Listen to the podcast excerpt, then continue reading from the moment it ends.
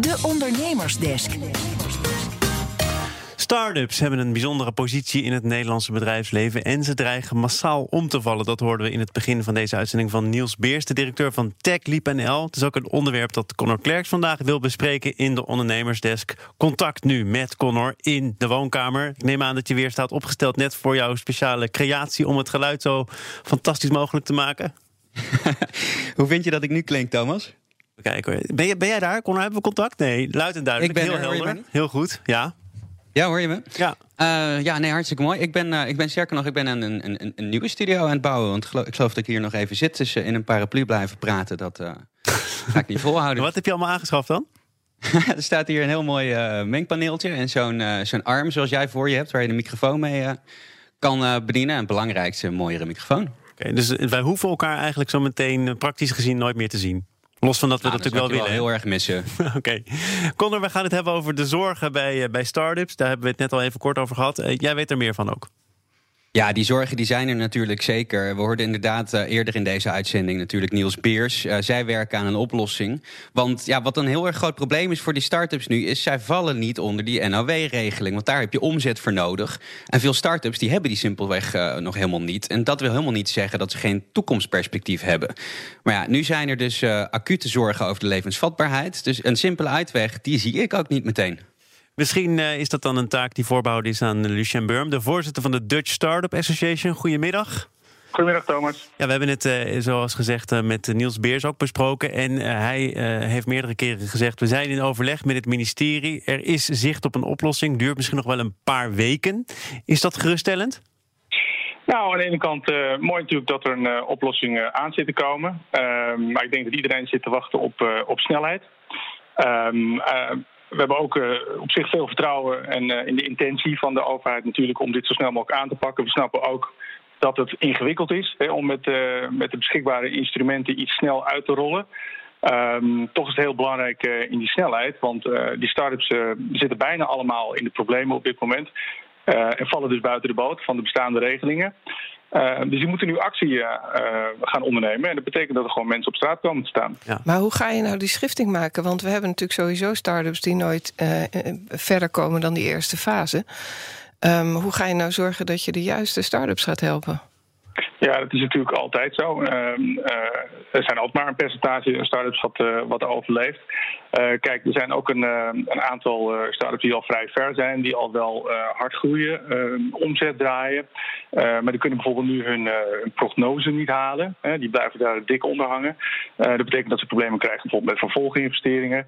Ehm, wat, wat er feitelijk op neerkomt dat die ook gaan terugschakelen. Wat weer betekent dat die, die start-up eigenlijk een beetje ja, in, een, in een hele kleine setting terechtkomt. Waardoor het gevaar is dat het een soort slapende start-up gaat worden. Ehm, en het is Ja, is, dat, is, dat, want- is, dat, is dat overigens erg? Want eh, die winterslaap, daar had het Financiële Dagblad het over. Exact. Nou, het, het gaat nu inderdaad eventjes economisch wat minder. Zorg dat je blijft bestaan. Zorg dat je als het weer beter gaat, dat je in de hoge versnelling kunt.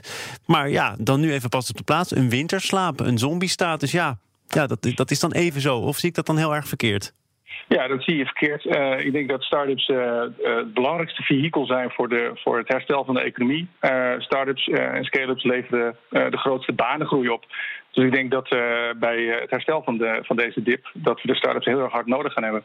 Ja, maar wat, wat, wat Tanja zegt is denk ik eh, altijd relevant, maar zeker voor start-ups. Want het percentage dat echt weet door te groeien tot een scale-up, echt een snelgroeiend bedrijf, dat, dat ligt laag. Nou, dat hoef ik jou verder allemaal niet, te- niet te vertellen. Niels Beers zei, het gaat om snelheid, helemaal mee eens. Liquide zijn, dus belangrijk, ook eh, met het oog op je, op je vervolginvestering. Ehm, maar we hebben nu landen gezien, ook om ons heen, waar ze al wat sneller een soort reddingsplan hadden eh, opgesteld. Maar je ziet nu dat ze het eigenlijk praktisch niet kunnen uitvoeren. Dus wij kiezen niet eh, voor hals over kop maatregelen treffen. Wij vinden snelheid belangrijk, maar het moet allemaal ook wel kloppen. En dat, Ja. dat vraagt nog een paar weken. Ja, dat, eh, dat begrijp ik. Ik heb daar ook veel begrip voor. Eh, en daarom was het een, een grote gemiste kans van minister Koolmees... om start-ups in die nauwregeling te, te kunnen includeren. Dan hadden we natuurlijk gewoon iets meer een periode gehad... eh, om, om te gaan kijken naar allerlei overbruggingsfinancieringen... waar Niels het ook, ook over had. Ehm, van hoe gaan we dat nou eh, op een goede manier structureel... eh, eh, voor een langere termijn oplossen... Ehm, maar juist nu, omdat we buiten die regeling van de, van de nauw vallen, is er een grote kans dat een, een flink deel van de start-ups die wel heel veel potentie hebben, het gewoon niet gaan halen. Als je nou even helemaal niks met minister Koolmees te maken zou hebben en die nauwregeling die was er nog niet, wat zou jouw ideale oplossing zijn? Uh, nou, er is weinig ideale oplossing aan, ben ik bang. Uh, wat de meeste start-ups uh, doen, is kijken hoe lang ze hun runway kunnen maken. Dus hoe lang kunnen ze het overleven. dat betekent dat ze in, in heel veel kosten gaan, gaan snijden. Dus ze schakelen enorm terug.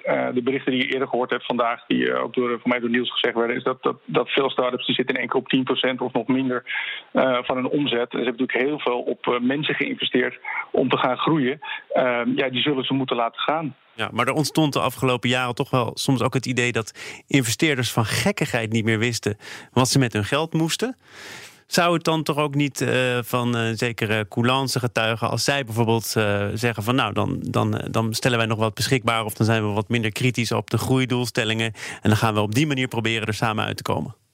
Ja, kijk, uh, ik vertegenwoordig natuurlijk niet de, de, de, investeerders en de venture capital, maar ik, ik weet wel en ik, en, ik begrijp ook dat ze, dat ze behoorlijk in de weer zijn om te kijken hoeveel start-ups ze allemaal overeind kunnen houden. Ehm, zij zitten natuurlijk ook met het rendement op die investeringen die, die gehaald moeten worden. ik weet dat er, dat er veel gebeurt bij hen en dat er veel gesproken wordt met startups, maar ze kunnen gewoon ook niet alles doen. en zoals je gezien hebt in het FD-artikel, vragen ook zij uh, om hulp. Uh, om, om eigenlijk hun uh, activiteiten te kunnen blijven doen. En zo de belangrijke start-ups in de lucht houden. Dankjewel, Lucien Burm, de voorzitter van de Dutch Startup Association. Wil je nou meer horen uit de Ondernemersdesk? Je vindt alle afleveringen terug als podcast via onze site of de BNR-app. Ondernemersdesk over groei wordt mede mogelijk gemaakt door NIBC. NIBC, de bank voor ondernemende mensen.